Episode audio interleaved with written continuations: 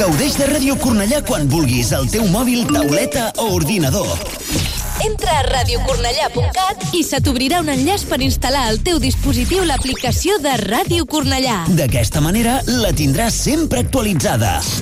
Podràs escoltar la ràdio en directe, descarregar i compartir els teus programes favorits, accedir a les notícies de la ciutat i molt més. I ara amb la millor qualitat de so.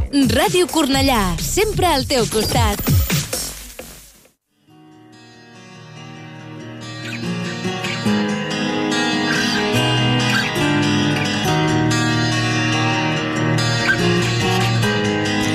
Radio Cornellá comienza el octavo día. Lo mejor del metal.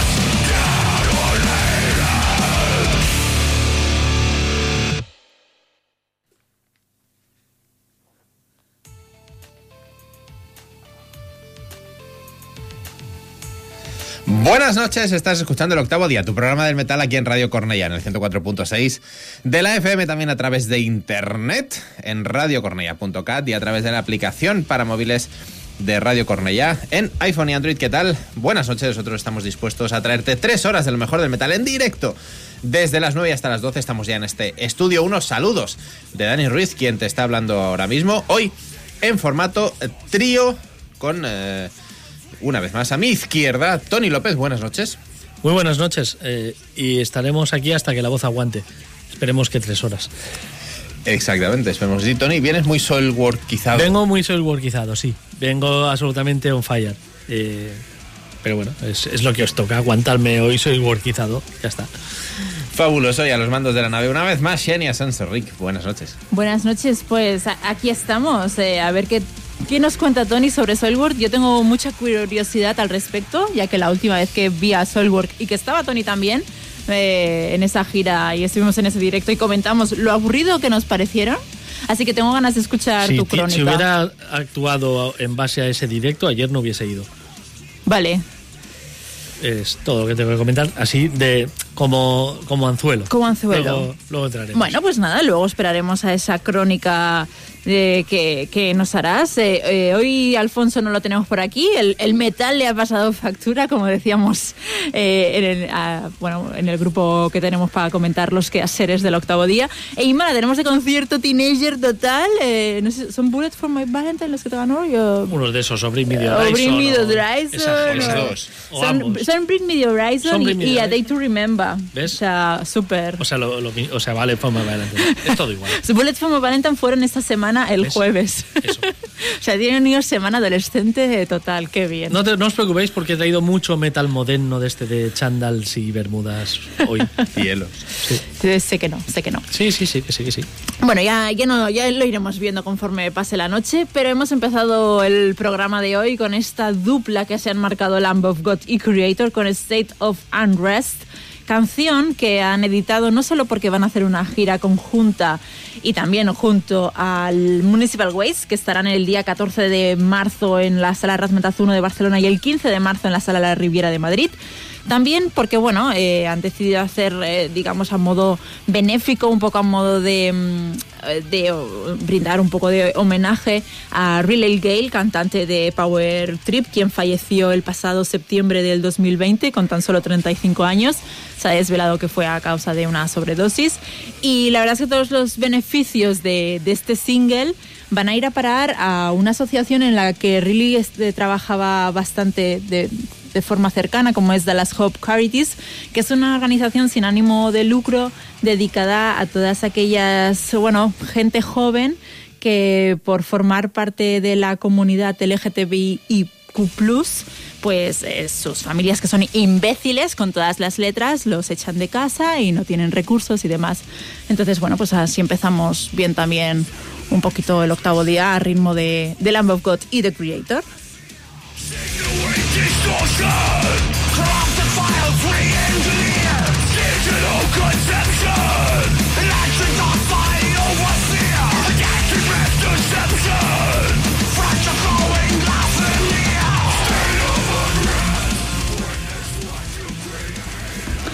Y, nada, pues así. Es muy importante tener un entorno familiar eh, estable y aunque no te entiendan ni te apoyen en según qué, por lo menos que no te jodan. Que te respeten. Es que no hace falta ni que te respeten, es simplemente que no te quieran joder. Me da igual, o sea, no me respetes mm, si quieres, o, no, pero no, te, no me jodas, básicamente.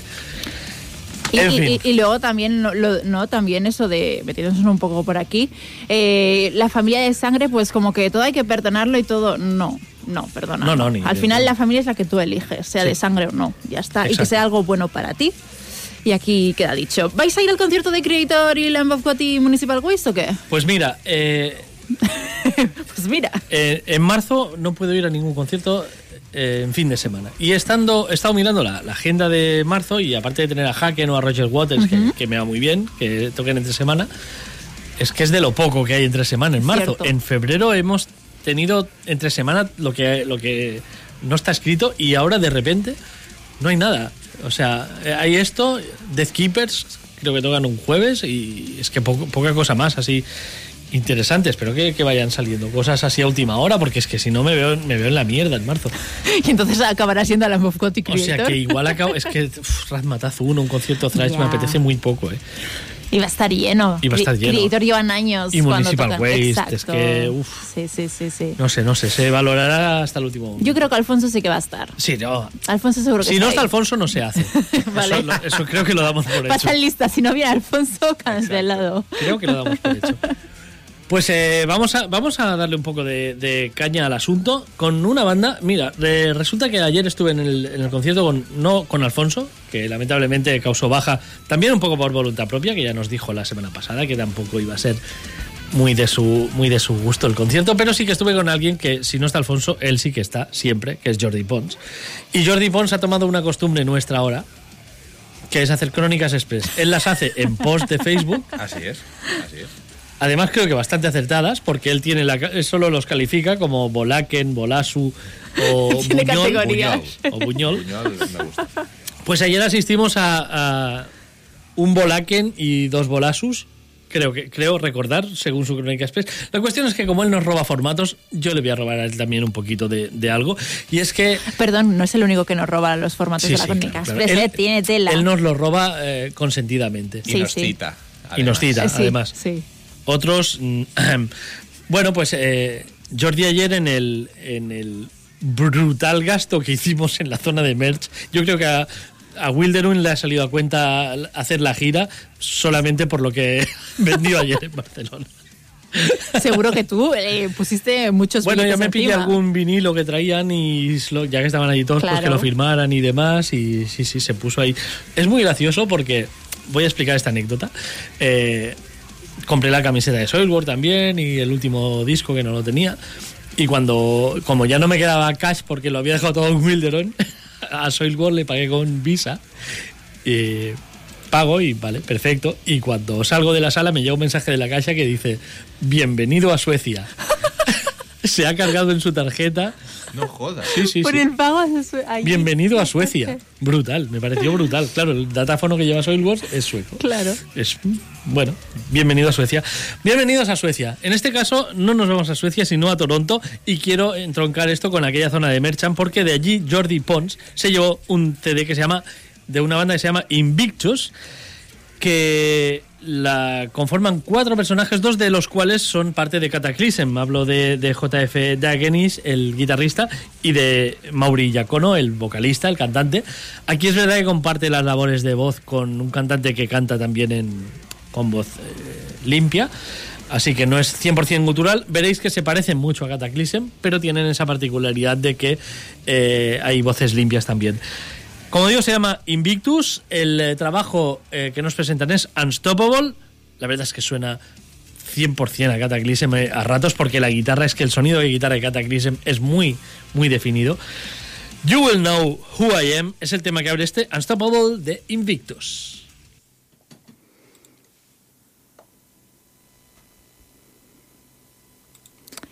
No le compraste suficientes royalties para, para emitirlos. Sí, lo que el, el nuevo PC de Dani no... Se tiene que habituar al octavo día, ¿no? A ver, que te lo vis- Invictus eh, con V. Sí, claro. como- Invictus No con V. preocuparse. Bueno, pues es- me puedo seguir enrollando si queréis. ¿Qué, pero qué vamos. canción? You Will Know Who I Am. A ver, venga. ¿Sí? Habemos, habemos, habemos eh, dale, esta. Dale fuerte.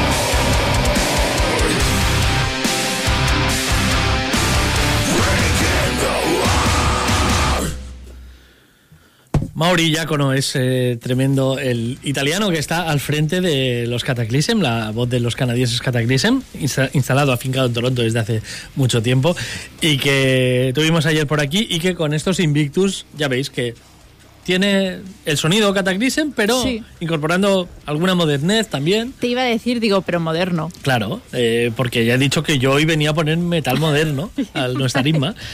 Tiene ese rollo deathcore, quizá, Un poco, un pero poco, no pero satura. sí, es justo el punto tolerable, creo yo.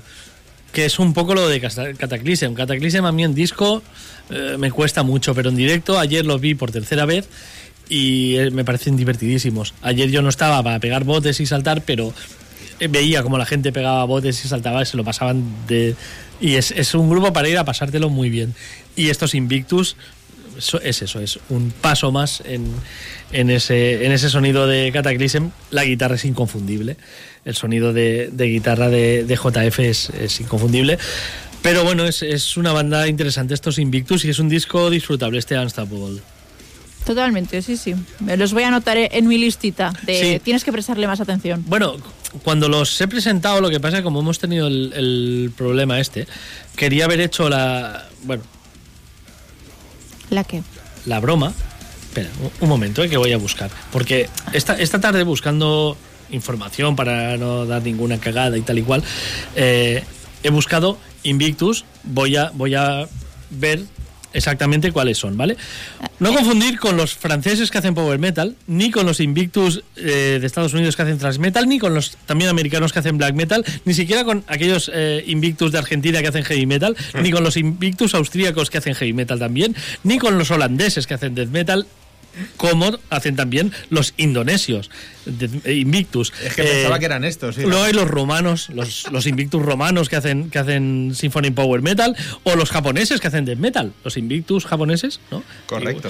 Y, eh, y así sigue, o sea, es que O sigue. sea, no- nos da para hacer un programa monográfico de Invictus. Bélgica. Y cubriendo Sí, sí. todos, todos, Todo el mundo. todos los estilos. Todo el mundo y todo todos los estilos, además. Sí, Vamos sí. desde el hard rock hasta el brutal death. Qué bueno. maravilla. Es Y- así. Y, no confundir con la colonia de la marca de Diesel, donde sale eh, el pedazo eh, jugador de, de rugby eh, con música no- de Kanye West. Ahí ya no entro. Eh, no confundir con la biografía de Nelson Mandela.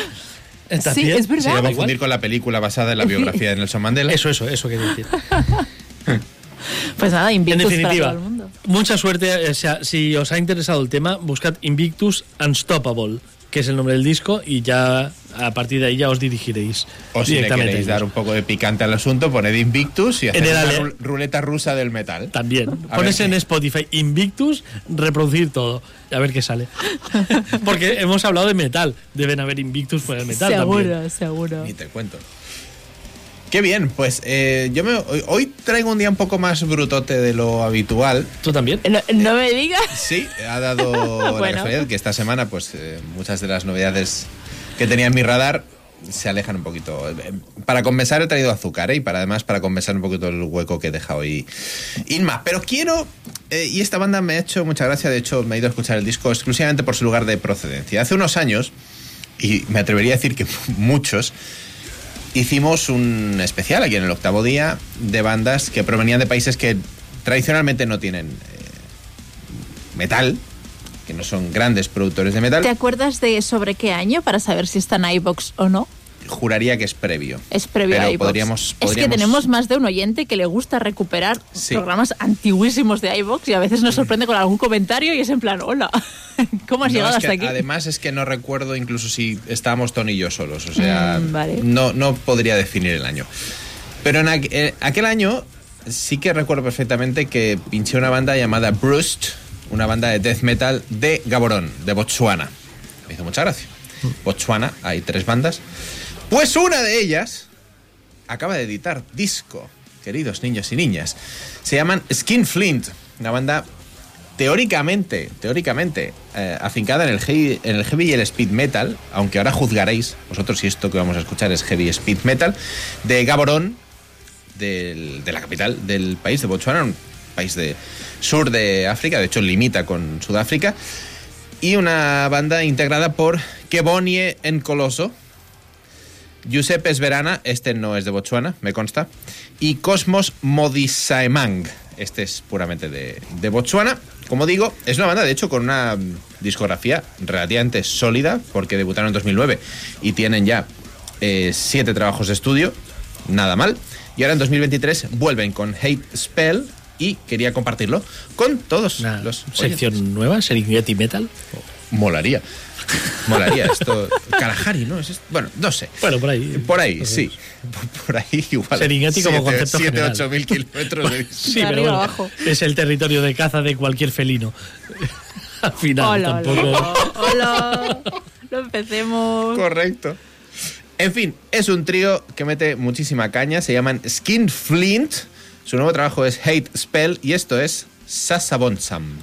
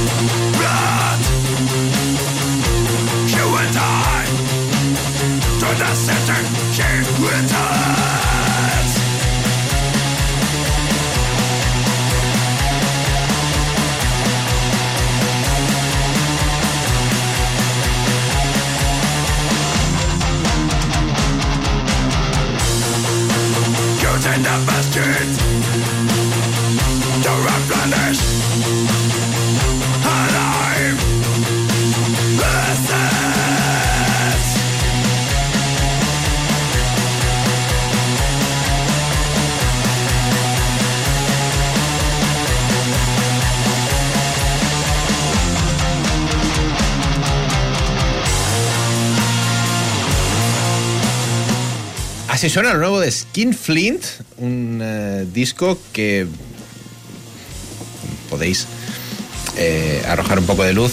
Yo no lo encajaría dentro del heavy o del speed metal necesariamente. Una hora y ocho de música para 12 temas, contando que el uno es una intro de un minutito. Es muy largo, Tony acaba de decir, se hace largo. Yo recuerdo No, porque que estaba bien, pero al final dices, bueno, Sí. está bien, Es pero, pero repetitivo, ya. Se hace Sí. repetitivo. varios temas en el disco de más de 6 y 7 minutos. Es decir, eh, son un poco retracas estos muchachos de. Hate Spell. tienen los recursos que tienen. entiendo. En Botswana desconozco cómo estará la cuestión discográfica. Pero bueno, eh, quería compartirlo porque también hay metal más allá de Suecia. Y además, como os digo, Skin Flint llevan en marcha desde el año 2009 con una formación estable desde el 2006. desde Sí, pero creación. fíjate, fíjate que, que el, que el- el tipo al frente es el tal Giuseppe este. Sí, Yo señor. acabo de poner a Invictus, que es Mauri también, otro italiano que está en Toronto. Sería un poco Italian South of Context el programa de hoy. Un poco sí, tienes toda la razón. Tienes Los italianos razón. hacen cosas. Sí, sí.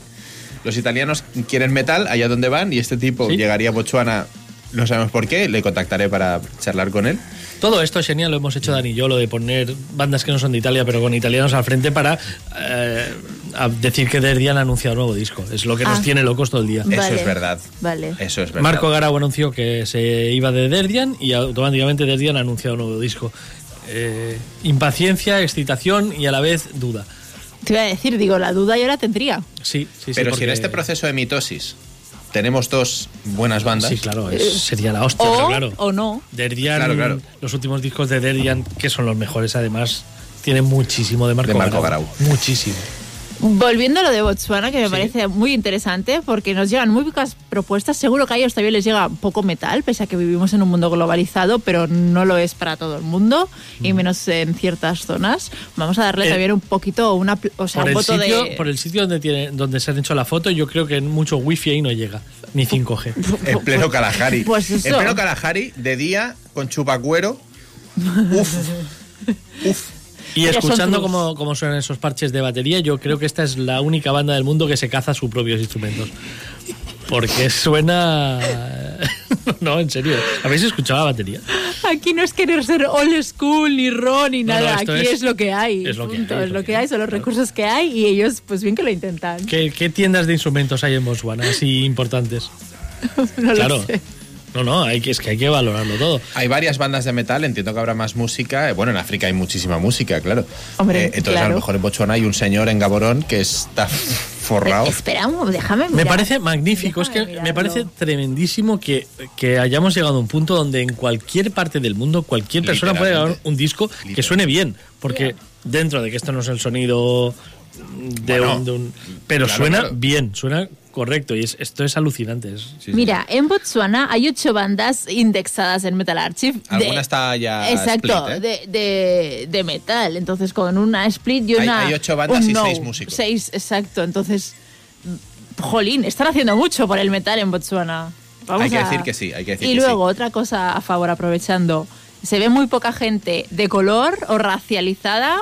Eh, sobre todo en Negros, Europa y en América, negros, negros ¿eh? No, perfectamente, gente negra Sí. en el mundo del metal. Sí. Mola que haya gente negra en el mundo del metal y haciendo Sí. metal, que parece que solo estaba el, de- el tío de Shentrix y nadie más. Y el no batería de Tresol de toda la vida. Pues, y, y el guitarrista este de Between the Barrier and, Ah. and Me, Sí, y Tony McAlpine. y ya está. Hmm. Nadie más. Y no, no, no. Estamos viendo que en Botswana también están ahí dándolo todo por el metal. Nos dice nuestro grupo de Telegram, ya sabéis que podéis acceder eh, des- eh, desde enlace directo en nuestras redes sociales eh, sin compartir vuestro teléfono. Hay una- ahora mismo casi 80 personas ahí a tope hablando de metal todos los días. A Abril le ha gustado mucho y a Pep también. Y dice, él lo califica como metal étnico. Mm, Yo no se lo compro. vale. Pep no te lo compro porque no le veo la etnicidad. O sea, entiendo la palabra porque para nosotros es ¿Tú algo sabes exótico que, que- venga de, de qué etnia es la persona por escuchar la canción? No. Claro. Entonces, Pero entiendo que lo dice por la procedencia de, de la banda, que para nosotros es exótico. Claro. Bueno, en general. Eh, Para ellos, un, para ellos Warcry serían metal sevillanas. Porque proceden del país de las sevillanas. No, Pep. Pep, no. Bueno, en fin. Ya está, Pep. pro- Vamos, vamos a seguir con más metal. Yo traía todo metal extremo, de hecho traigo un par de cosas que creo que pueden gustar, pero como habéis empezado tan extremitos, pues me he ido al power metal. eh. Ya. Así de improvisación. Es un aviso para que luego me dejéis pinchar lo que traigo, por favor. En fin. No, no, más que nada que no vamos a empezar todo el rato ahí guturales y tal, porque luego pues bueno, pues hay que poner un poquito de todo. Entonces, vosotros estáis hablando de los italianos así eh, que hacen cosas por el mundo. Yo me voy cerquita, me voy a los griegos que hacen cosas por el mundo, porque los griegos, los griegos también hacen muy buen metal. Lo hemos dicho muchas veces, tanto en el ámbito del heavy como en el ámbito del metal extremo. Ellos son Steel Arctus. No Steel Arcturus, que yo les llamaba Steel Arcturus porque veo un Arct y es en plan, pues aquí mi amigo Simen. Estilo de acero. Steel de acero, Steel Arctus, to Heavies, con, con tipografía, si los buscáis también de esta Heavy True. Eh, tiene solo dos discos en el mercado y el año pasado yo, vio la luz su segundo largo, Masters of War. Así que qué mejor que animar aquí y seguir este senda del metal del octavo día a ritmo del power metal con la canción que precisamente da nombre a este disco. Vamos con el Steel Arctus, Masters of War.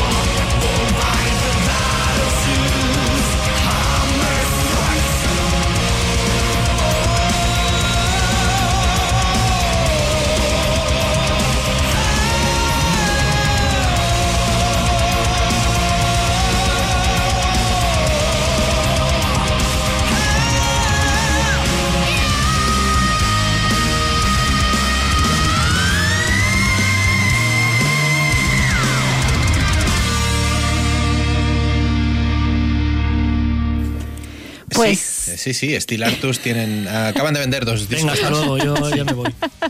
Sí, sí, han, han vendido dos, dos discos Ahora mismo han vendido dos discos, fíjate, qué curioso. Bueno, de hecho yo ya, ya lo tengo. Repetido.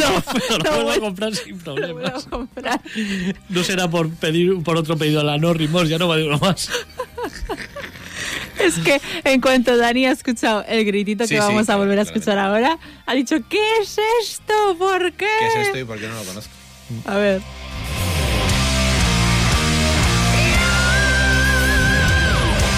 Es que se empieza así, una canción de, de heavy metal se empieza así. Y un disco, entonces Ya era está. como Es la que- canción que tenía que sonar. Eso es así, es reglamentario. Pues ellos son Steel Arctus, eh, Snash G, Shines y Tassos Lazaris eh, desde Grecia con este Masters of War segundo largo. Vio la luz el Shines. pasado. Eh, bueno, yo le digo Shines en catalán, Shines. que en griego sería Xines, porque Gines. mi nombre es griego y sería Xenia. Ginés. Pero. Exenia, Palo- te llamamos ex- Exenia. En, gre- en griego Xenia. Exenia, Exenia. la princesa guerrera. Exenia, la princesa guerrera, eh, pero en catalán, pues Xenia. Y, y nada, eh, este, este trío de griegos ha sacado este Masters of War, Discarra, el que vio la luz el pasado 2022. Ahora Dani se arrepiente de haber hecho- su top del 2022. No, no. Lo, lo voy a editar. ahora. Lo voy a editar ahora, voy a editar el vídeo publicado. Bueno, Pero yo podría haber hecho un top de 2022 de la No Remorse directamente, Ah, pues pero, mira. pero me parecía primero repetitivo y segundo injusto.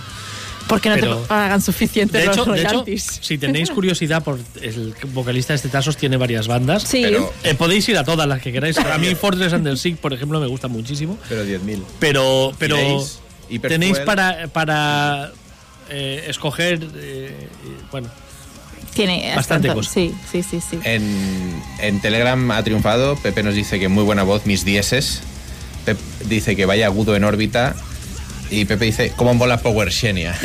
Pues mira, a veces una sorpresa. Por cierto, en esta distopía que estamos viviendo en, en esta época actual, Tony y yo hemos comentado lo del disco de Derdian, porque Sí. yo he visto el anuncio de la carátula, se la he pasado a Tony esta tarde. Sí. Hemos comentado el tema, lo hemos dicho aquí y tres minutos después en el grupo Telegram, Enrique, que nos escucha siempre los lunes, nos ha dicho, ojo Tony, Dani, ¿qué tal? ¿No? o sea, Ya ves. estas cuestiones... Ah, vale, vale. Yo, yo es que he visto que lo comentaba y pensaba que lo estaba escuchando. No, claro. Enrique siempre nos escucha luego el lunes. Ah, hostia, Enrique, Sí, pues sí, yo te he sí, respondido porque... Es que además lo ha dicho dos minutos después. sí, Claro, claro. Y, y ha puesto además la portada y, y ha sido como, claro, nos está escuchando. Claro, claro, Enrique No, nos está escuchando. Hemos Eh, pues, confluido en Derdian. vaya. Pues, como te digo, Enrique, eh, no- Marco Garau no está en Deadline ya. Puede salir bien o puede salir mal, habrá que esperar, chicos. Dudas, dudas. Yo eh, no sé si van a superar DNA, pero me parece un disco tan perfecto que no, no, no, no lo veo. Yo creo que es el disco de Derdian que más he escuchado, con una diferencia puede ser el disco de power metal que más he escuchado en mi vida y mira que Land of the Free lo quemé y lo compré tres veces por quemar las dos anteriores. Correcto. Hoy veo que solo se habla de Derrian. No se pone tema, se comenta, pero luego hablamos Sí, de y luego hablamos ya de estoy viendo, Derrian. ya estoy viendo la tónica. Es Italians doing, Things. doing stuff. Doing stuff. Meanwhile in Italy. Mientras eh, seguimos hablando de Italians doing stuff, eh, nos vamos a Holanda con Países Bajos.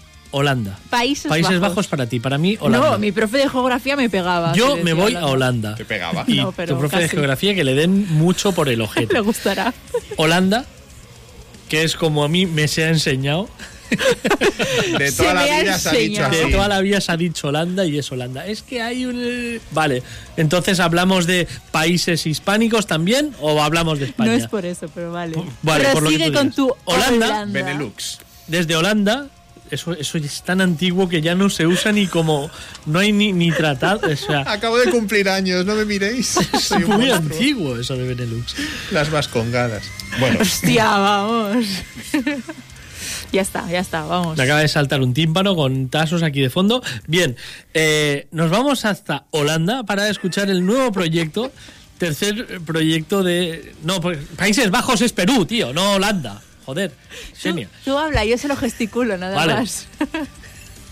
no quiero saber nada de esto. o sea, me desvinculo. Mientras Dani se muere. en fin, vamos a ello. Por favor, Arjen Lucasen es ese genio que vive en Holanda. Nuestro amigo. No, vive en Países Bajos. Vive en Holanda, que será parte de los Países Bajos o no, no lo sé. Voy a beber agua. Por favor, Dani, atiende, que esto es importante. Eh, bien, Arjen Lucasen es un fan de, la música de los 70 y del rock progresivo setentero y demás, de todos es conocido. Esos Hammonds que mete él en sus, composiciones eh, bien, lo, indican. Pues eh, conociendo cómo se conoce este, este efecto, pues eh, le reclamaron para un disco tributo a los 70 en el cual le dijeron, mira, tenemos esta lista de canciones y queremos que hagas una de ellas y tal. Y dijo, ah, sí, sí, porque él se apunta a un bombardeo. Eh, vio una de ZZ Top que le gustaba bastante y dijo, ah, pues hago esta, ¿para cuándo la queréis? La semana que viene. Y fue como, "Mm, no, no tengo banda, es imposible. Total, que empezó por WhatsApp a comunicarse con miembros de, Tiene amigos en todo el mundo Sí. este señor, ya lo ha demostrado. Total que en dos días tenía una banda de cinco componentes. Hicieron la versión de ZZ Top y dijeron, muy divertido, ¿por qué lo vamos a dejar aquí? Y efectivamente no lo han dejado ahí. Arjen Lucasen's eh, Supersonic Revolution es el proyecto setentero de Arjen Lucasen que el próximo 14 de mayo va a editar Golden Age of Music. El título del disco es toda una declaración de, de intenciones. La edad de oro de la música que para, para esta gente son los 70. Van a hacer temas orientados a los años 70, 70s, 80s, pero sobre todo 70. Y cuatro versiones, la de ZZ Top, esta por la cual, que fue el, motivo de, juntarse, una de T-Rex, Ed on Fire y otro tema de Roger Glover. Pero además, como digo, temas propios. Y ya tenemos el primer single, el primer adelanto, que se llama The Glam Attack. Suena muy setentero, pero suena muy Arjen Lucasen, o sea, muy bien. Esto es Supersonic Revolution de Arjen Lucasen, The Glam Attack.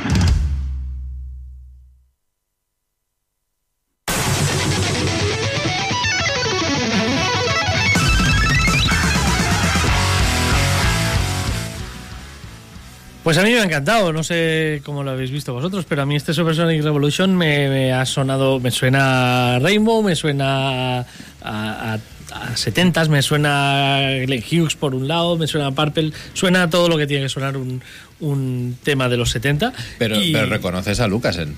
reconoces a. Lucasen totalmente, los solos de guitarra me parecen fabulosos también. Decimos poco que Arjen Lucasen es un puto genio. ¿no? Mira, Sí. lo que pasa que está haciendo ya como Devin, es decir, a nivel de proyectos me refiero a eh, tal, tal, no sé qué, tal, tal, no sé qué, qué, súper lícitos. Y lo que le parece bien y le hace se lo disfrutar, compro. ¿no? Tiene pinta. Y no sé, me, me cae muy simpático Arjen. Por cierto, Sí. hasta la, la portada es una maravilla, es Sí. un desierto en color carmesí con una fila de pintalabios rosas eh, hundidos en la arena, es fantástica. Bueno, esto es la portada del single, Del single, Glam del Attack, single ¿eh? de The Glam Attack, correcto. que es eh, In- Crimson Desert. No sé. Sí, sí. Y ha confirmado si va a hacer gira, conciertos. Gira. Gira. Bueno, gira, conciertos especiales, perdón, como hace el, co- eh, en, en su Tilburg. Pero conciertos especiales de esto. De esto, No, de esto no, pero respecto a esto, paja mental propia. vale. eh, esto es una banda de cinco personas. Esto sí que podría en un momento dado decir, vamos a hacer una gira. Porque no es ya el, mamotreto de Star One ni de Iron. ya. Es seguramente lo que pasa que por otro lado se lo toman como un divertimento. Pero claro, mm, Bjorn Street y no porque quiera ir a Soilwork todo el rato hoy, Vale. pero Bjorn Street se hizo un divertimento que se llamaba The Night Flight Orchestra, tocando temas ochenteros, discotequeros, bailables, y el tío hace giras con eso. Sí. Eh, Sí, ¿Por sí. qué no pensar que Lucasen pueda, pueda llevarse esto de gira? La esperanza es lo último que se pierde, ¿no? A mí me ha gustado mucho. Lo de Tilburg solo puedo decir que Jero estuvo. Y lo volverá a decir en el chat de Telegram y, y ya no duele. Ya llega un punto y ya no duele. Para las entradas de este año, yo lo miré y justo cuando fui a mirar cuánto costaban y demás, ya se habían agotado. Creo que fueron Sí, dos sí, horas. es En un- dos un horas momento. se agotaron. Es un momento. Porque sí que me gustaría alguna vez ver proyecto de Arjen en, Sí, en es directo. Coldplay y Arjen Lucasen son los que no se puede comprar porque se agotan antes de salir las entradas. U2 sí, U2 todo, sí, se puede comprar U2. Ah, sí, aún hay gente que va a ver a esta. Sí, yo a creo que sí, no sé. Bueno, luego, luego hablaremos de, de gente que no toca en directo, aunque hace ver que sí. Luego, luego tocaremos este tema. ¡Boom! De mientras seguimos, Dani, con más metal. Luego las bombas. suecos. Con suecos. Putos suecos. Voy a cubrir un poquito el hueco de Inma con una banda llamada Creye. Creye, no lo sé. E C-R-E-Y-E. Búscalo en, transl- en el Translate y te dice cómo suenan las Es cierto. cosas. Pues lo haremos. Ahora te lo dirá Mónica en el grupo de Telegram, seguramente te diga la pronunciación correcta en breve. Espero, como, como Jebel, más o menos. Es una, una banda formada en 2016 Por cierto, saludos a Mónica, que ayer me la encontré en Soywork Ah, y, nos bien. dijo que nos escucha mientras hace punto. o- Igual no es punto, igual estoy diciendo una tontería, pero bueno. ¿Cómo se mientras dice teje, punto? mientras Ah. teje. Teje. No, Teje, con J. Saludos. Eh, saludos. Como decía, una banda formada por Andreas Gullstrand, que tiene cierta trayectoria, debutan en eh, 2016 y que vienen a cubrir esa cuota de ahorra rock que normalmente nos trae Irma, que hoy no está aquí. Pero lo cierto es que sin ser yo muy fan del AOR, eh, le he pegado un par de escuchas al disco, es decir, tiene algo que me ha atrapado bastante, suena de lujo y tiene algunos temas fantásticos, como el tema que abre este Three Weightless llamado Glorious, así suena lo nuevo de Cray.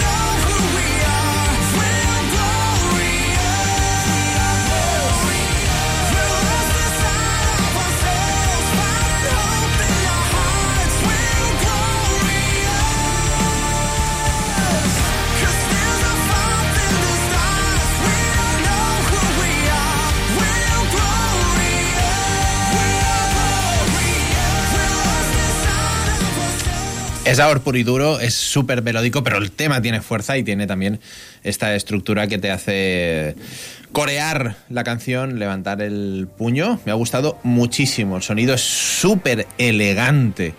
Todo el disco súper pulido, un sonido perfecto. Y aunque es verdad que en lo personal es- me empalaga un poquito, un disco entero de Aor, este Wakeless, este tercer trabajo de Cray, me ha gustado y mucho. ¿Va a estar en mi top del mes? No. ¿Va a estar en mi top del año? Seguramente tampoco, pero es una cuestión de estilo, no de que el disco no lo valga. El ahora a mí se me hace un poquito cuesta arriba. Pero vaya, temas muy muy rescatables, de hecho este y algún otro más que tiene el disco han entrado en mi lista, esa lista que también haremos a final de año de los mejores temas del, del año. Me ha gustado y mucho.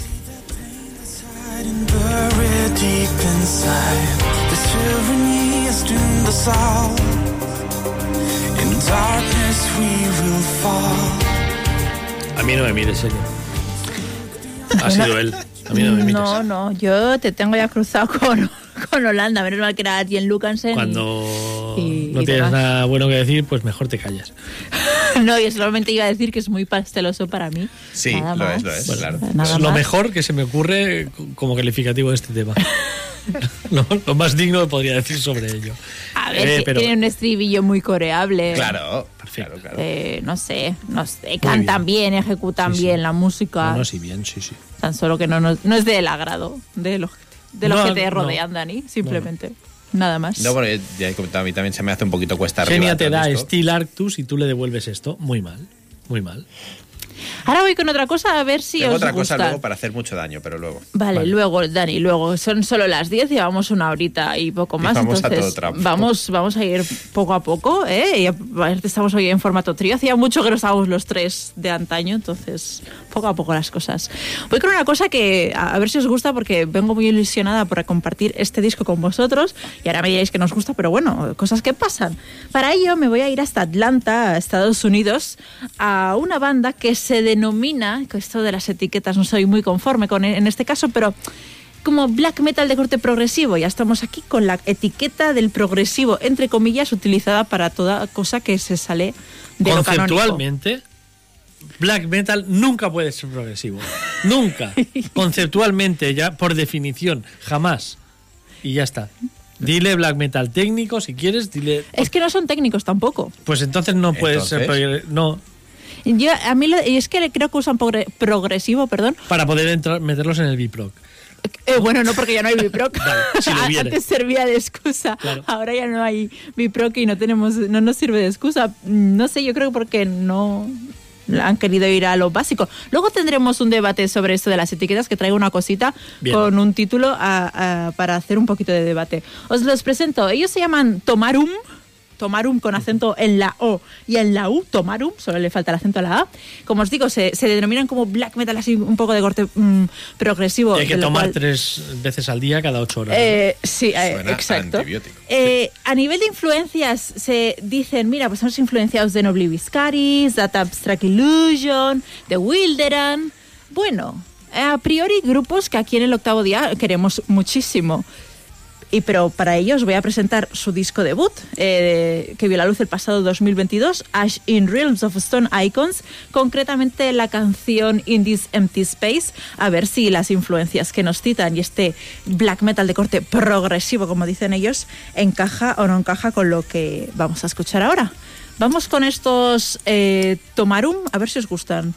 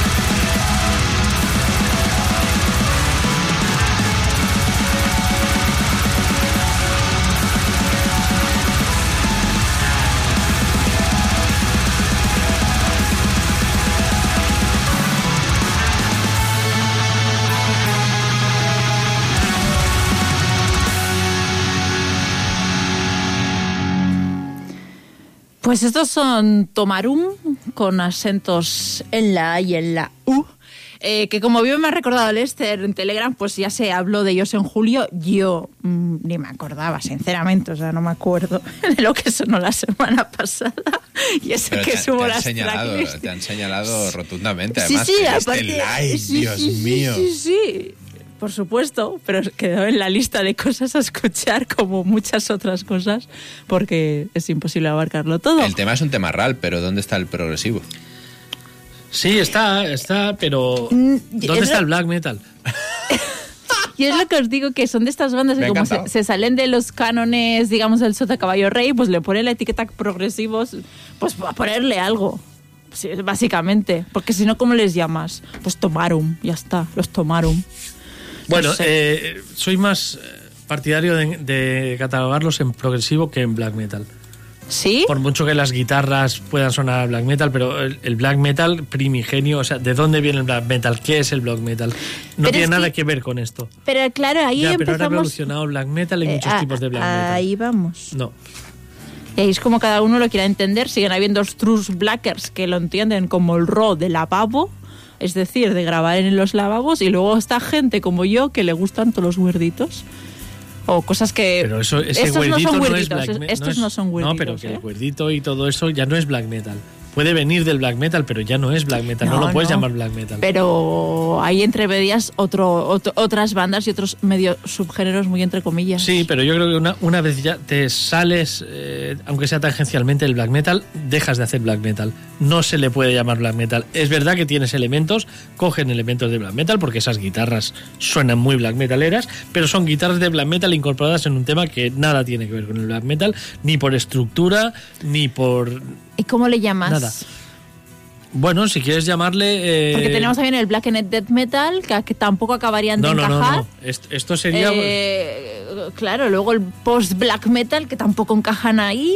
No, no, ¿Cómo no. les llamamos? No, aparte yo- de tomar un. No, esto, le- esto lo podríamos llamar eh, metal extremo progresivo o metal extremo técnico. ¿Y has puesto progresivo ahí? No, por eso digo que puedo meter progresivo, Vale, pero, no puedo meter no black, metal. Vale, ya te entiendo. Bueno, Claro, yo, yo claramente cuando me dicen metal progresivo no pienso en esto. es que yo creo que ahí es cada uno donde, para dónde va. No, pero depende de No, progresivo. sea, tú porque piensas Tony en Dream Theater. metal No. progresivo y puede ident- identificar estructuras. Yo No. aquí voy totalmente perdido. No, porque progresivo, el progresivo es mucho más amplio que el black metal. Entonces en progresivo sí que podemos encaber eh, pues eh, cambios de estos cambios de ritmo, estas canciones largas, estas composiciones más eh, no más más bueno no sé, eh, composiciones distintas y que, que entroncan varias, varios riffs diferentes y que saltan, bailan de aquí a allá, se puede, se puede calificar en, como un tipo de... Yo, yo ya digo, metal extremo progresivo o, metal extremo técnico me parece lo más cercano a... Pues ahí tendríamos que meter a un montón de bandas. Sí, sí, pero claro, claro. muchísimas. Creo que ahora sería una super y todas estas etiqueta, bandas. Sí, sí. Pero muy grande. Sí, porque además es una etiqueta que te, que te permite muchas cosas que no te permite la etiqueta black metal, como meter voces limpias, como meter...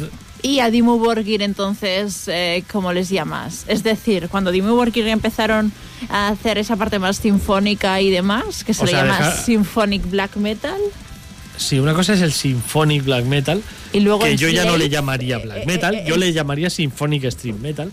Es que vale, vale, ya te he entendido, ya, ya, vale, ya con esto ya te he entendido, ok.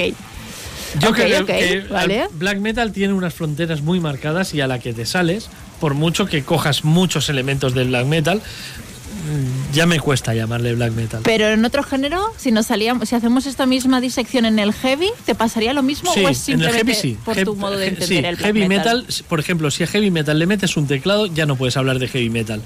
Y por eso no hablamos de heavy metal sinfónico. No, Hablamos de power, power metal, sinfónico. Eh, heavy, black. Incluso yo te diría death, porque a mí nunca me ha gustado la etiqueta death melódico. El death no puede ser melódico por definición. Y como entonces metemos en la etiqueta de eh, Este- metal extremo melódico. Melódico. El death, el black y el heavy para mí son tienen fronteras son zonas muy pequeñas, con fronteras muy marcadas. Y a la que te sales de ahí, aunque predomine ese, ese estilo, pero yo ya a mí me chirría. Yo no pondría nunca a Chandria, por ejemplo, que pusimos la otra semana, como heavy metal sinfónico.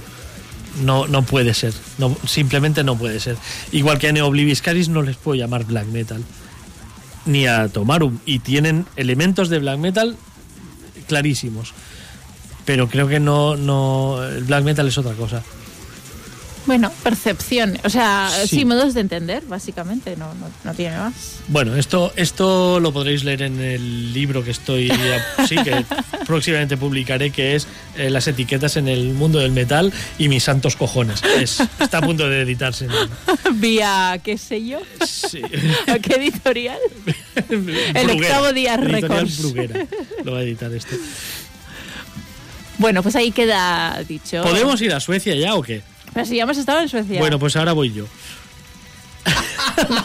vale, pues muy bien. Siempre tarde. Siempre llego tarde. Eh, es que, claro, es- vaya, vaya suecos nos ha traído Dani. En fin. Me dolió muchísimo perderme a Beast in Black esta, esta pasada semana, ¿fue o la otra? No sé. La otra- anterior. no por Beast in Black en sí, porque a mí, las, como he dicho anteriormente, los grupos que van totalmente pregrabados no me gustan. Pero sí por el telonero Firewind y por ver a Herbie Langans, que es una bestia, eh, tanto en disco como en directo. Ciertísimo. Pero os traigo un nuevo trabajo de un proyecto que inició Heavy Langans junto a dos eh, compis eh, allí en Suecia hace, hace un par de años, que se llama Steel Rhino. Steel Rhino, el rinoceronte de acero, editaron su primer trabajo, Self-Title, en el año 2021 y ahora en 2023 nos llegará su segundo trabajo. Vamos a escuchar el tema porque luego quiero, quiero hacer el hater bastante fuerte, pero el tema es buenísimo. ¿eh? Vale. El tema se llama Blades, es el adelanto del nuevo trabajo de Steel Rhino.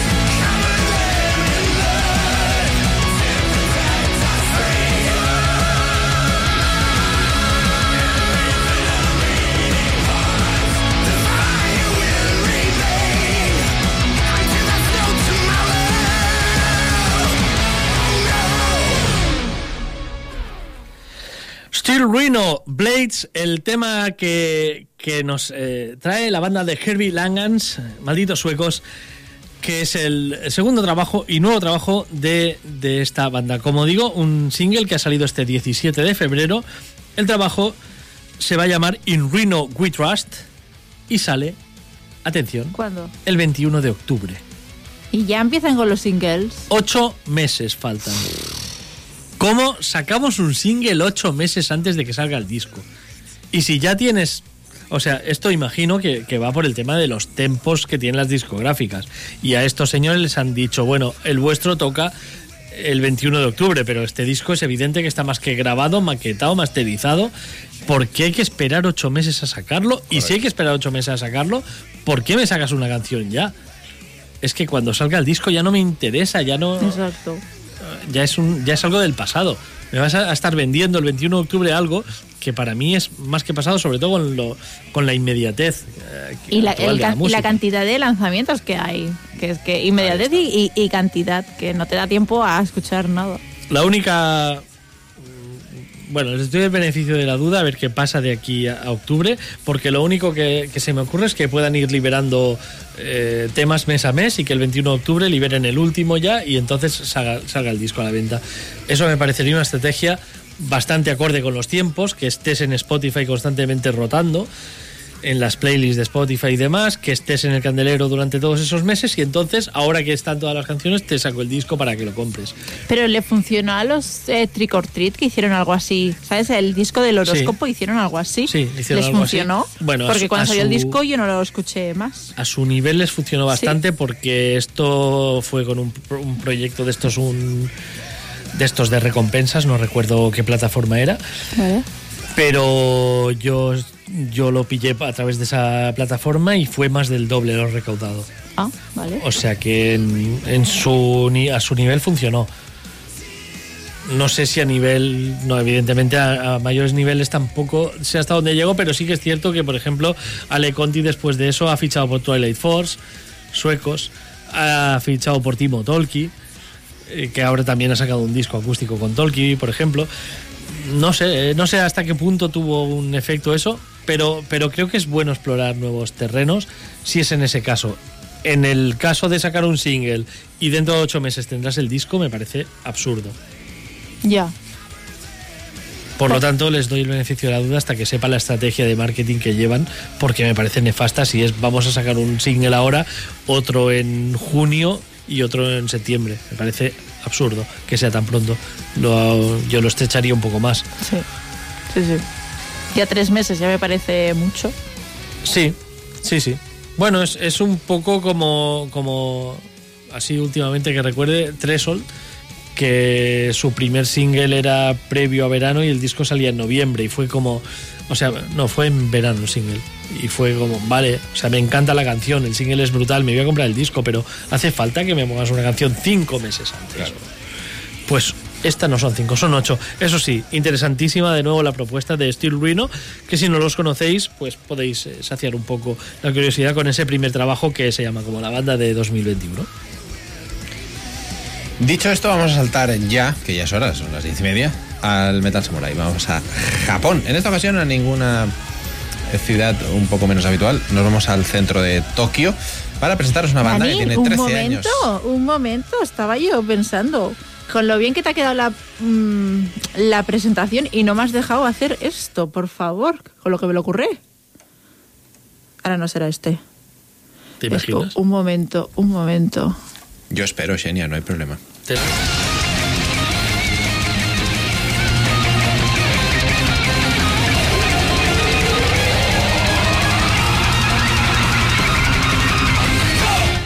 Pues eso, Dani, que no me has dado tiempo. Nunca recuerdo que haya entradilla. Joder. Cierto. Y eso que la hice yo.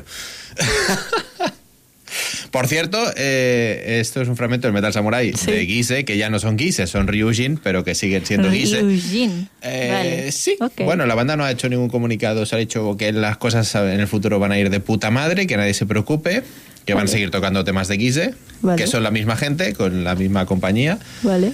pero que se llaman de otra forma. En fin, nos vamos al centro de Tokio para presentar una banda con 13 años de trayectoria. Hablamos de Tears of Tragedy, no es una banda especialmente prolífica, cinco discos en 13 añitos, pero un single de lo nuevo que va a aparecer teóricamente este año, Epitaph, editado a finales del 2022. Yo creo que esto sí puede hacer un poquito de daño. A veces, eh, como las dos últimas propuestas, me voy un poco a buscar, a rebuscar ahí en lo más cavernoso del metal japonés. En esta ocasión, no. En esta ocasión voy a lo que nos gusta, a lo que nos toca la patata. A lo que definitivamente hace marca de agua del metal japonés, Tears of Tragedy, su nuevo singles, lo último que hemos escuchado de ellos es este Epitaph.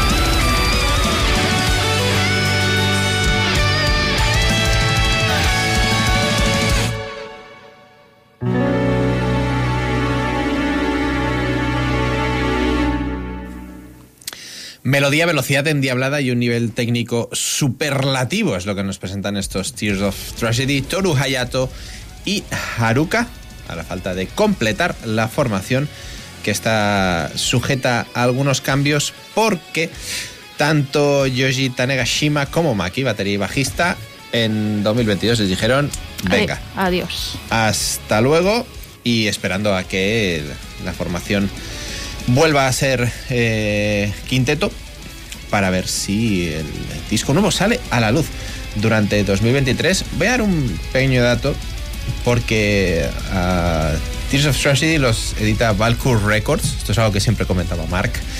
Y es un, es un sello fantástico, solo de grupos japoneses, pero ahí tenemos a Built-in Scarlet, a los Tears, Tears of Tragedy, a Live Moon, que fue uno de mis discos favoritos del año pasado, a um, Concerto Moon, banda gigantesca también en, en este power neoclásico que nos encanta, y a una banda que de hecho tendría que repasar si la he pinchado aquí o no, que me hace mucha gracia, diría que sí, porque se llama Alhambra. Es una, una banda de, de la prefectura de Kanagawa, de Kawasaki. Es una marca, ha dicho es una marca. Hemos Sí, oído sí, todos, se- sí, sí.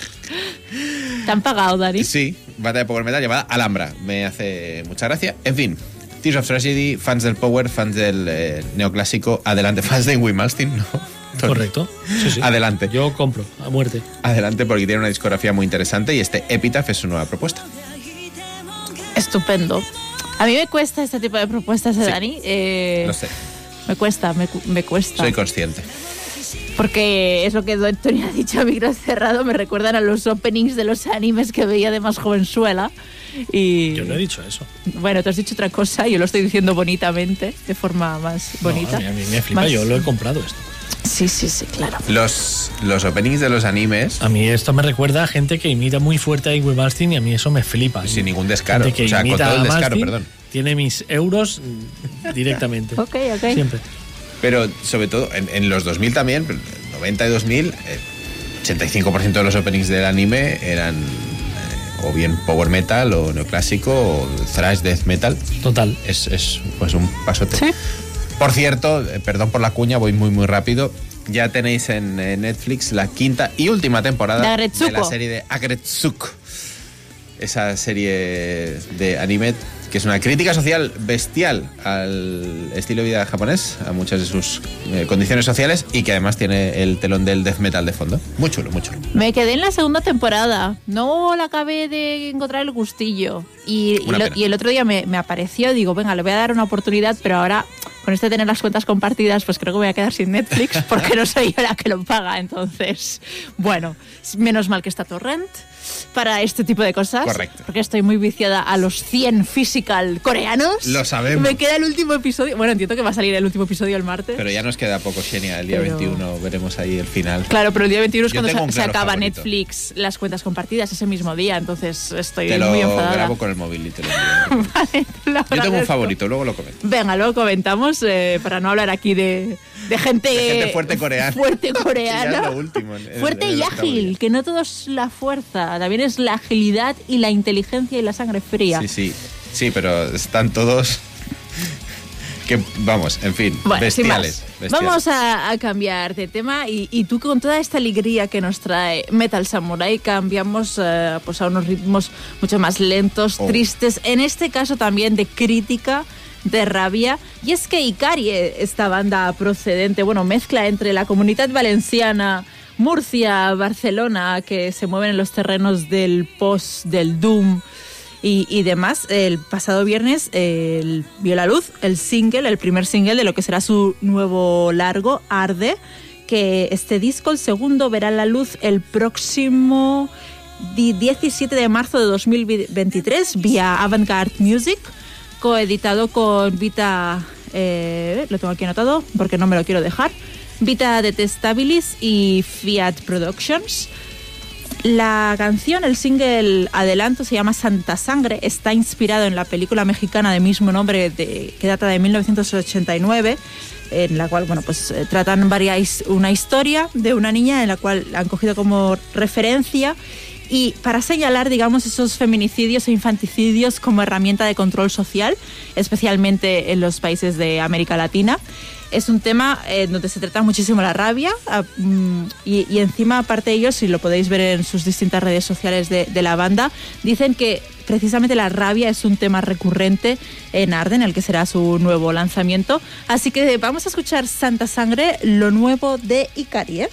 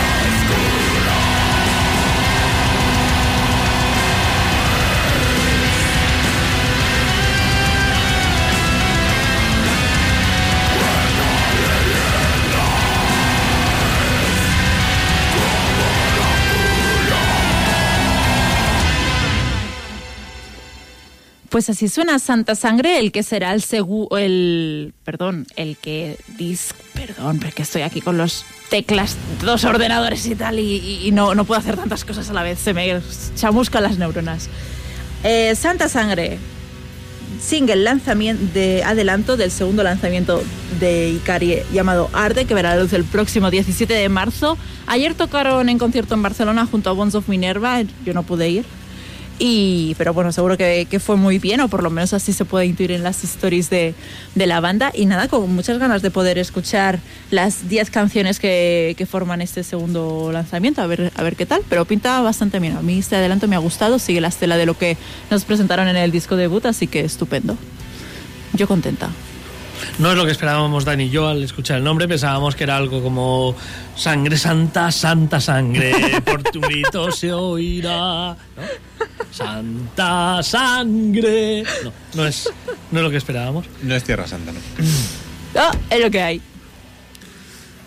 Tampoco es lo que parece lo que voy a pinchar ahora y eh, los más agudos eh, descubriréis que ya se pinchó eh, en su momento como adelanto, pero que ahora, Perdonadnos, eh, perdonadnos. ahora voy a volverlo a pinchar ya con el disco en las manos. En las manos. En las manos. En las manos. Siempre es fundamental el plural en el artículo y el singular en el nombre. Eso es así. Las eh. manos. Eso es así.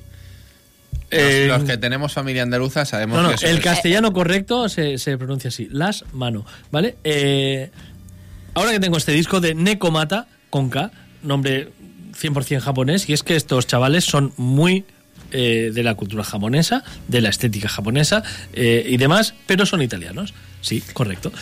Bueno, Italian no, está reñido. De hecho, uno de ellos es uno de los mejores guitarras que he tenido el gusto de cruzarme, que es un chaval jovencísimo llamado Andrea Capellari, que tocaba en Skeleton hasta hace bien poco, que dejó la banda para eh, centrarse en este proyecto, como digo, llamado Necomata. ¿Qué nos ofrece esta banda? Pues lo que he dicho que iba a poner hoy, metal moderno, que es lo que nos gusta y lo que eh, ponemos cuando no está Inma. Eh, es ese tipo de metal moderno lo suficientemente con los suficientes ingredientes como para que mm, mantenga mi atención sobre todo en determinadas canciones es cierto que el disco se me hace un poco bola entero el disco además tiene un nombre que ya se hace bola por sí mismo and then the abusement park left town pedazo de nombre que tiene el disco. Pero como digo, estos Necomata tienen canciones tan brillantes como esta, que además parecería un tema de Manowar. De hecho, hay un tema de Manowar que se llama así: Call to Arms. Es un tema absolutamente heavy y épico, pero Necomata lo trata de esta otra manera que vais a escuchar a continuación. Necomata, Call to Arms.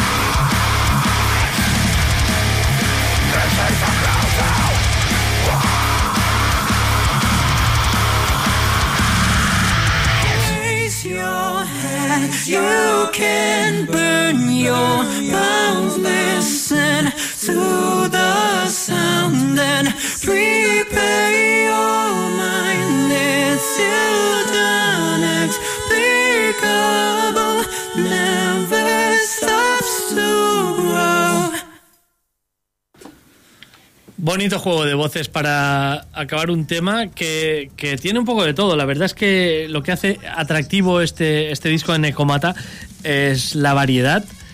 Dentro de que es un metal moderno, como, como os comentaba, pues es, es bastante variado y tiene detalles en, en unas canciones que varían de otras y que hace, hace más eh, digerible eh, la escucha, sobre todo para, para la gente que no estamos acostumbrados a, a un estilo como este. Un trabajo interesante, este And Then the Amusement Park Left Town de Necomata.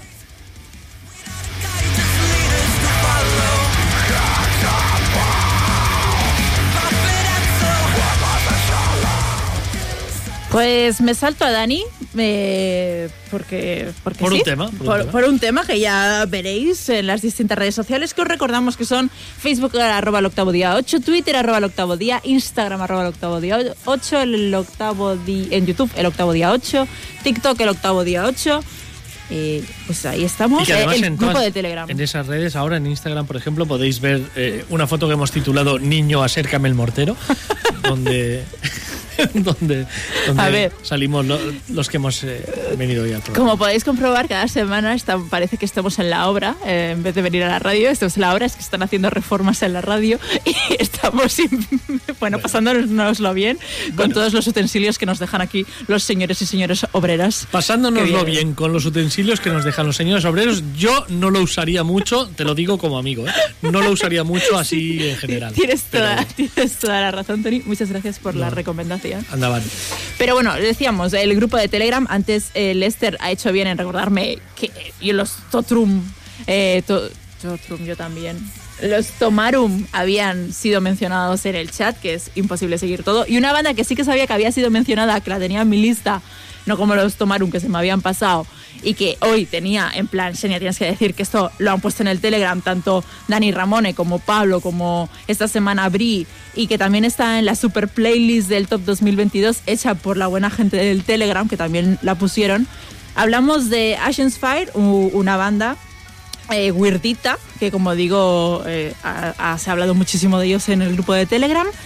Em, son desde son de Glasgow, United Kingdom, son siete personas que se unieron así en el 2013 para hacer pues, sus mezclas musicales. Y ahora ha visto la luz, bueno, ahora no, el pasado 18 de julio de 2022, eh, su segundo largo Steel Architecture. Ha tenido muy buena acogida y es por ello que también los vamos a traer aquí en el octavo día con la canción The Law of Avestos. Vamos con Ashen's Fire.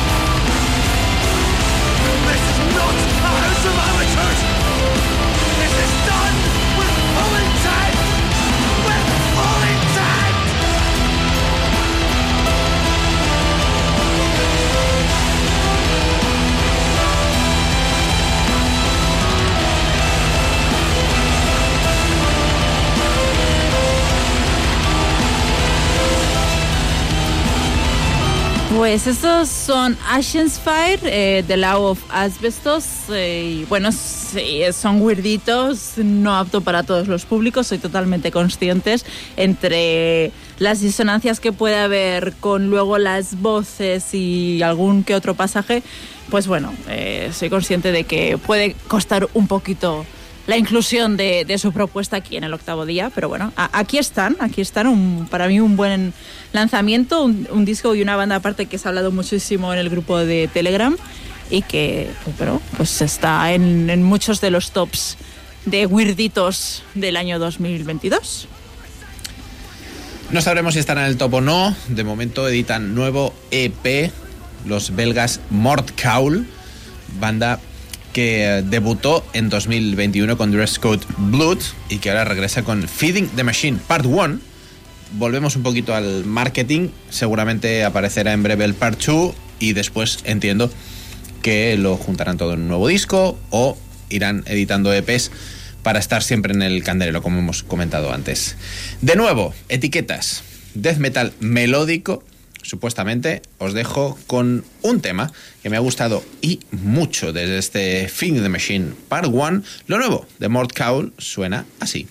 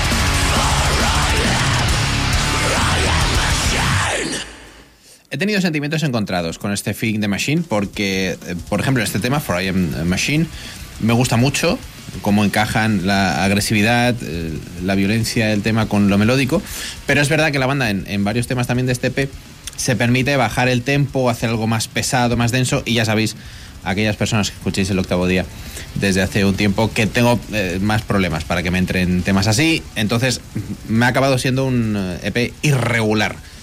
Para mí, pero desde luego si siguen editando partes subsiguientes de este Feeding the Machine le voy a echar un vistazo. Y una escucha porque me ha parecido realmente chulo lo nuevo de Mort Kaul, banda por cierto que como digo debutó en 2021 y no conocía. Así que les pondré una oreja en, eh, en la pista. Perfecto, pues eh, vamos a ir con un tema que me apetecía mucho tratar. Eh, esta semana hemos sabido que the Barrier and Me, que será la banda que acompaña a Haken eh, y en Barcelona tocan el próximo 8 de marzo. Sorry, no sorry a los que no eh, vayáis en otra fecha porque no sé más fechas de la gira. 15 en Madrid, en la Riviera. ¿15? El día siguiente, el 15 de marzo en No, Madrid. no, 8, 8. Aquí es 8. Eh, Aquí es el 14. ¿Es el 14? Martes 14.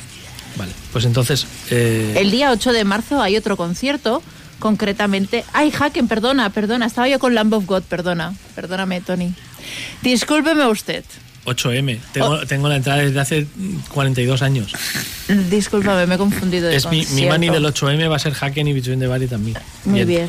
El 8 de marzo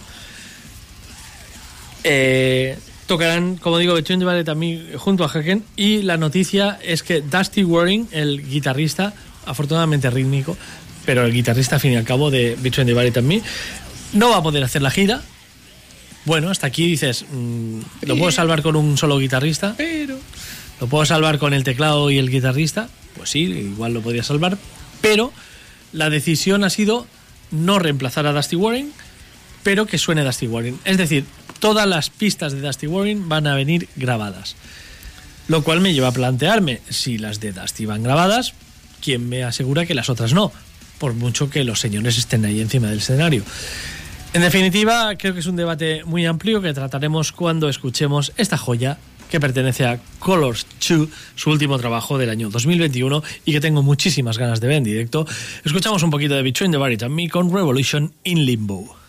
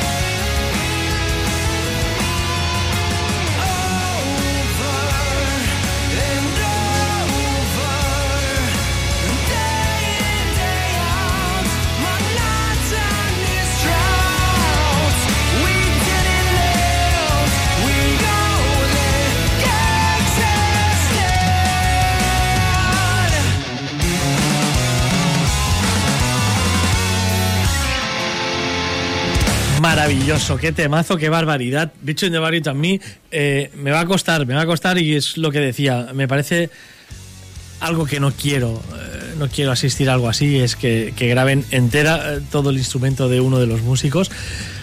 Porque ya lo sé que hay mucha gente que lo hace, hay muchos grupos que usan esa fórmula y que hay muchos grupos que llevan pregrabados. Incluso ahora hablaremos del concierto en el que estuve ayer, en el que el grupo al que yo iba a ver, básicamente, lo hicieron muy bien, pero para mí el pregrabado, el abuso pregrabado me, me saca un poco de- del concierto. Eh, en definitiva, mm, sentimientos encontrados, muchísimas ganas de volver a ver Chewing the Bar and Me. El batería, que lo pudimos ver en el B-Pro que hace, hace ya varios años, es de los más bestias que he visto nunca. Eh, Brandon de, de, de Allegion y, y alguno más, pero, pero este, este desde luego es top. Y lo dicho, a ver, vamos a ver cómo, cómo será sensación agridulce. Yo, yo no sigo, digamos, ni la trayectoria ni los ni escucho los discos de Between the Barrier and Me, pero sí los pude ver en directo en el Viproc en Barcelona hace unos cuantos años y me quedé alucinada con el directo que tienen. La Es verdad, increíble, es una banda que sí, sí. te deja impactada. De hecho, tocaron ¿Cómo muy, muy pronto por la tarde. No sé Sí. si era el primer grupo o el O segundo. el segundo, creo. Pero fue muy pronto y, y- y casi era casi era lo, lo- mi incentivo ese día más que lo que fue detrás. Lo que pasa es que lo que fue detrás fue tan salvaje que, que luego se quedó en. Portnoy, No, no, aquel día fue Opeth, que es uno de los mejores conciertos que he visto de Opeth, y Steven Wilson, ¿sí? que fue... Vale. Sí, sí, seguro, seguro. Pues Es- entonces ese no día he visto ni Between the Me en el Biproc porque yo a Opet, a Opet no les he visto. Pues les vería en otro festival. No, no, porque no, no, porque yo me quedo por No, no, Opet me y hubiera quedado a ver y si Steven me- Wilson. y, claro, a ver si en directo el concierto de Steven Wilson aquel día fue uf, tremendo. Eh, bueno, eh, no hagáis esas cosas. O sea, porque es lo que decía. ¿Quién me asegura a mí que todo lo demás no está tan bien grabado? Ya. Bueno, eh, a ver. A mí realmente como noticia me fastidia en el sentido, o sea, entiendo, me fastidiaría. Pero por otro lado es en plan, veo a Septic Flesh siempre que vienen y Ya. está todo grabado. No me gusta y cada vez me desilusiona más, aunque disfruto sus directos, pero me desilusiona, pero porque también ellos siempre hacen exactamente lo mismo, es todo idéntico, no cambia Ya. en nada. Entonces, eh, es lo que tú dices. Bueno, eh, Nos hemos acostumbrado mucho a aquel mm, lanzamiento de pistas Mucho, en mucho, directo. mucho. Cada vez más. Y a veces, mm, al principio me acuerdo que hasta lo agradecía, porque, por ejemplo, la primera vez que yo vi a Rhapsody en Barcelona fue bastante patético el concierto. Sí, Muy, muy, muy chungo. Primero por, por, por la imagen y la Por el actitud. chándal. Primero Salir por el en chándal a cantar metal épico de ese no, nivel. no, como era, claro. Mm, Porque darte parado mientras escuchas las orquestaciones grabadas sin saber qué hacer ni nada. Ya. Y fue tan patético que cuando vinieron por segunda vez, esto fue en Raz 1, vinieron como cabeza de cartel ya en Raz 2 por segunda vez, y lo prepararon tan bien, se vistieron bien, eh, todo iba bien pregrabado, todo sonaba como tenía que sonar. La flauta de Manuel Staropoli sonaba más casi que las guitarras de lo bien ecualizada que estaba. Eh, que, que dices, bueno, lo agradezco porque fue bastante triste lo otro. Pero llega un punto que ya nos pasamos. Ya, o sea, a mí me gusta ver a la gente interpretar en el escenario la música que hace, no, no traer, o sea, es que me pongo el disco en mi casa para, Claro. para que me lances tú la pista. No pagas 30 euros además que vale un concierto ahora para que te pongan un disco. Entonces, para mí es, es discutible esta actitud, pero vamos hacia eso y poco... Bueno, eh, a nivel de precios, eh, ahora Megadeth no toca con, con el chico este que vive en Tokio. Eh, bueno, que el, el streaming, Friedman. sí, Friedman, que sí. el streaming vale 15 eurazos. Un streaming que vale, que va a ser algo muy inédito, bla, bla, bla. Y, pero 15 euros un streaming, por favor. O sea, entiendo que haya, que haya que aportar dinero. Ahí no me meto porque cuesta dinero todo el equipo para poder hacer el streaming y que ellos tienen su caché, pero 15 euros me parece una exageración, una barbaridad. Pues hay gente que te cobra 30 porque vayas a ver algo que es igual que un streaming, que es que te disparen pistas grabadas. Entonces, mm, ya, ya. y encima tienes que ir y, y beberte una cerveza, con lo cual aún te gastas más. Estás obligado a beberte la cerveza. No, pero aunque sea un agua, pero ya, vas, ya, vas gastas de Hombre. transporte, Sí, o- sí, en sí, fin. totalmente. Pues lo menos, mira, los 15 son 15 y estás en tu casa tan a gusto. No sé, no sé, no sé. Bueno, eh, entroncado con esto, ayer pude ver a Soilwork, Cataclysm y, y Wilderon. Iba principalmente por Wilderon, hasta que me dio por escuchar el último disco de Soilwork y descubrí que una banda que me gusta relativamente me vuelve loco con el último disco. O sea, para mí el último disco es infinitamente superior a cualquier cosa que hayan hecho antes. Dime. Sí, sí, Incluso sí. los primeros. Sí, sí, sí, sí. A ver, a mí el, el nuevo, el último, lo he escuchado bastante, pero más que los primeros. Sí, sí, sí, sí. A mí es lo que, o sea, la- la fusión a la que han llegado en el último disco me parece tremenda, perfecta. Vale. Eh, los primeros es que dentro de, de aquella hornada de, voy a decirlo otra vez, death melódico. dentro de aquella hornada no me parecían de los más destacables. ¿Cómo te cuesta decirlo? Me cuesta, me cuesta.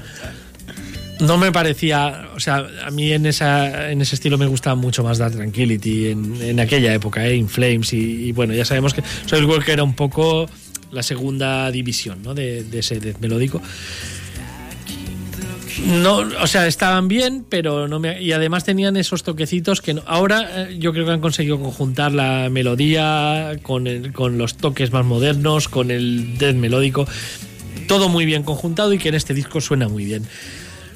La cuestión es que antes de descubrir yo esto, yo me planteaba seguir porque eran 33 eurazos por ver a Wilderun, que solo abrían y que es una banda al final que eh, por 40 minutos no vas a pagar ese dinero. Pero eh, lo que vi en el escenario, por un, por un lado, fue brutal, porque las canciones son tremendas, dos temas del último épico, dos temas del anterior, Bill of Imagination. No tocaron The Unimaginable Zero Summer, ya les metí bronca por ello. Tener esa canción y no tocarla, y me decía, es que es muy difícil, la hemos tocado dos veces en directo, Hostia. y aparte de que es muy difícil, pero sí, sí, la verdad es que la gente reacciona, hombre, es que esa canción, si es muy, dice, es que además se nos come medio set, me da igual pues que sea medio set esa canción, es que necesitáis tocar esa canción. Es posible que quizá para la próxima gira la incluyan. Es decir, si hay tanta. Bueno, tanta- me dijeron que tocan en el eh, Proc Power de Holanda en septiembre y que si vienes eh, la verás. O sea Ah, que, ah, que, que te vayas al Proc Power. bueno, ya les dije, invitadme y voy. ¿En el, en el Pro Power de dónde? Holanda. Sí, sí, sí. El de Holanda. Sí, sí, me chirrían los oídos, pero ¿qué le vamos a hacer? Es la palabra de la noche. Bueno, pues eh, lo dicho, muy bien, me encanta esa banda, son unos musicazos. Tocan, los cuatro que habían allí tocan ellos y bastante bien, pero hay mucho pregrabado. Tienen, no, no traen teclista y tienen muchos teclados. Y todas esas orquestaciones y esas teclas se nota muchísimo que no están. Porque las pone Evan normalmente, que es el cantante y que ya lleva una guitarra. Y no le vas a decir al hombre que lleve la guitarra, el teclado. No es Neil Morse, lo sabemos. Eh, pero me sacaba del concierto a ratos tanta pregrabación. Cuando, cuando había mucho protagonismo de los teclados y de una base también de, guitarras, me sacaba un poco del concierto. Eh, lo cierto es eso. Pero aún así fue un concierto brutal. Cuatro canciones, 45 minutos. Se hizo cortísimo. Cataclysm, no os voy a explicar nada que no sepáis. Eh, es ese deathcore más death que core que, que hace un muerto. Nos lo pasamos muy bien con Cataclysm.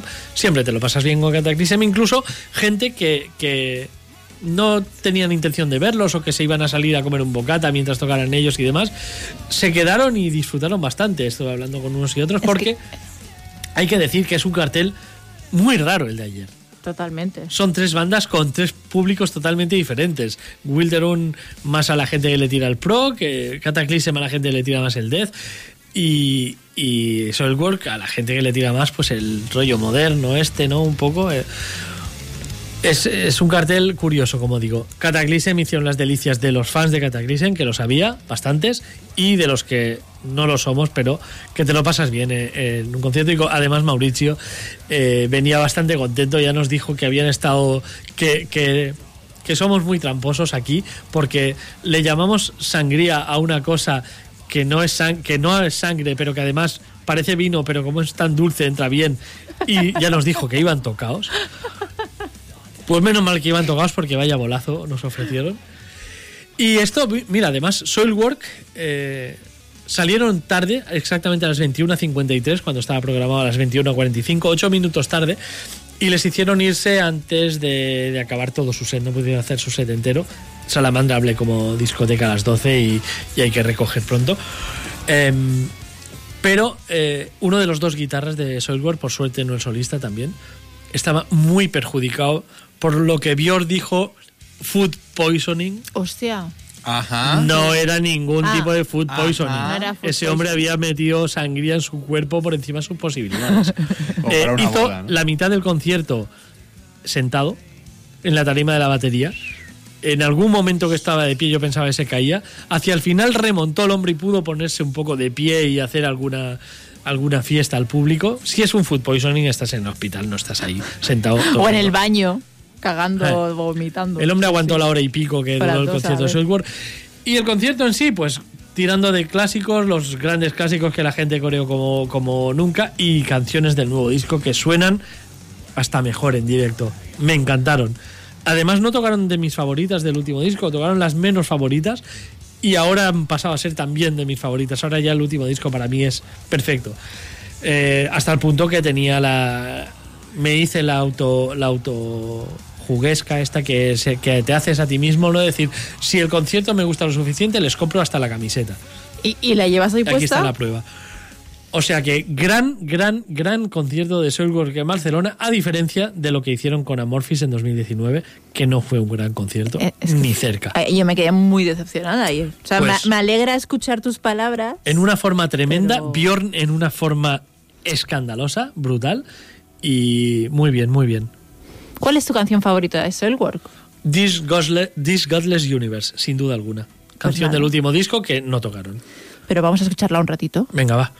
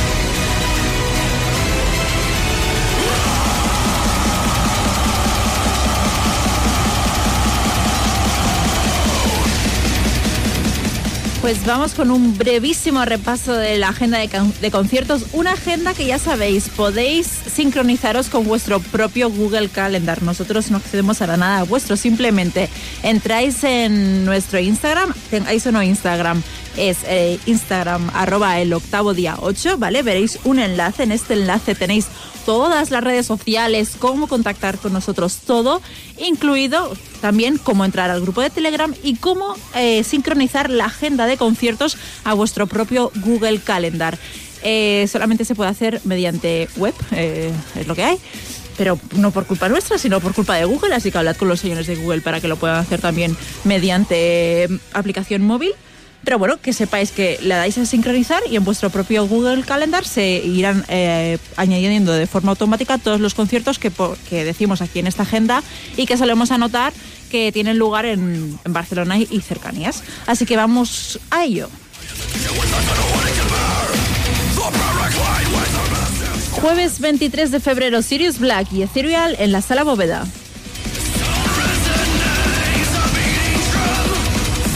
Triplete para el viernes 24 de febrero. Por un lado, Leprus junto a Monuments y Calandra en la Sala Polo. Billy Valo en la Sala Razmataz.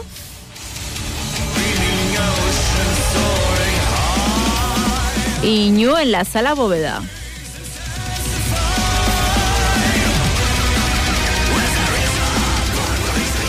Nos vamos a marzo, jueves día 2, Dead Keepers junto a Mike Becerra en la Sala Bóveda.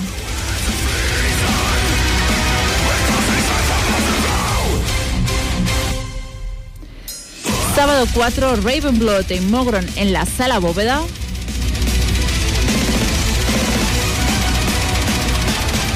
O si te apetece una opción más heavy metal puro, Will Hill y Irtangaz en la Lemons Club.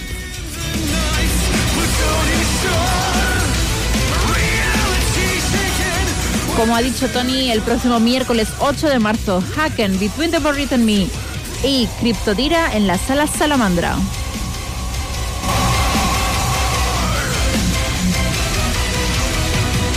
Doblete para el jueves 9. Por un lado, Wormwood, Pound y Cave en la Sala Zoe del Hospitalet.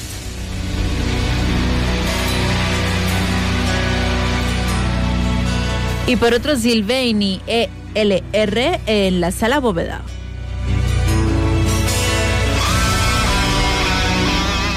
Viernes 10, Bloodhunter, Archetype X y Pugna Sinistra en la Sala Bóveda.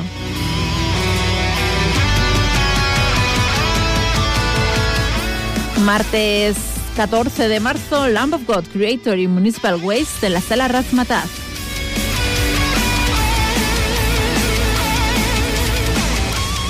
Doblete también el jueves 16, por un lado Arxfight, Secropti, Beniter y Enceros en la Sala Bóveda.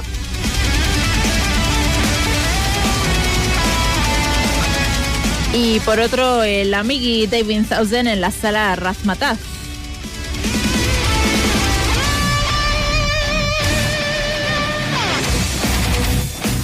Seguimos con los dobletes. Viernes 17, Cannibal Corpse, Dark Funeral, Ingested y Stone Ruler en la sala Razmataz 2.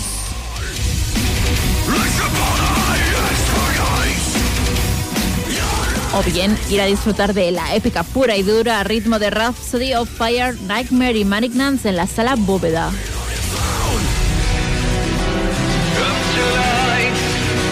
El sábado 18 de marzo está muy concurrido y primero nos vamos a Madrid porque tendrá lugar la edición número 15 del Poding Metal Fest con las actuaciones de Shentrix, Destructor, Iron Curtain, Iron Fate y War Dogs en la sala Shoko de Madrid.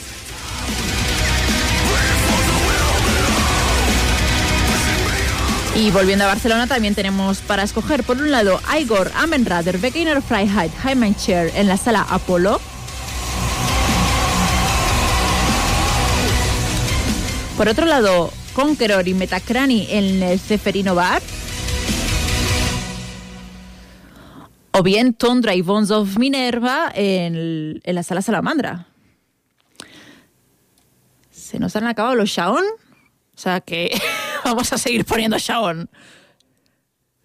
¿Qué, qué decías, Tony, que te tenía apagado? Demasiado concierto. Demasiado Eh, concierto, lo dejo aquí. Hay más concierto que. que Lo dejo aquí. Sí, porque ya. Lo dejo aquí.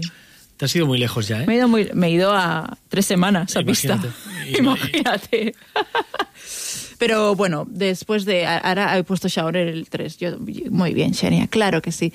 Eh, hablando, Tony, de conciertos y, y demás, yo no voy a hacer crónicas de conciertos ni nada, pero sí que tenía, como he dicho antes, una banda para hablar un poquito del tema de, de los géneros y las etiquetas y demás, que no nos vamos a extender porque tú ya me has hecho tu, tu aportación, ¿no? Como lo entiendes tú.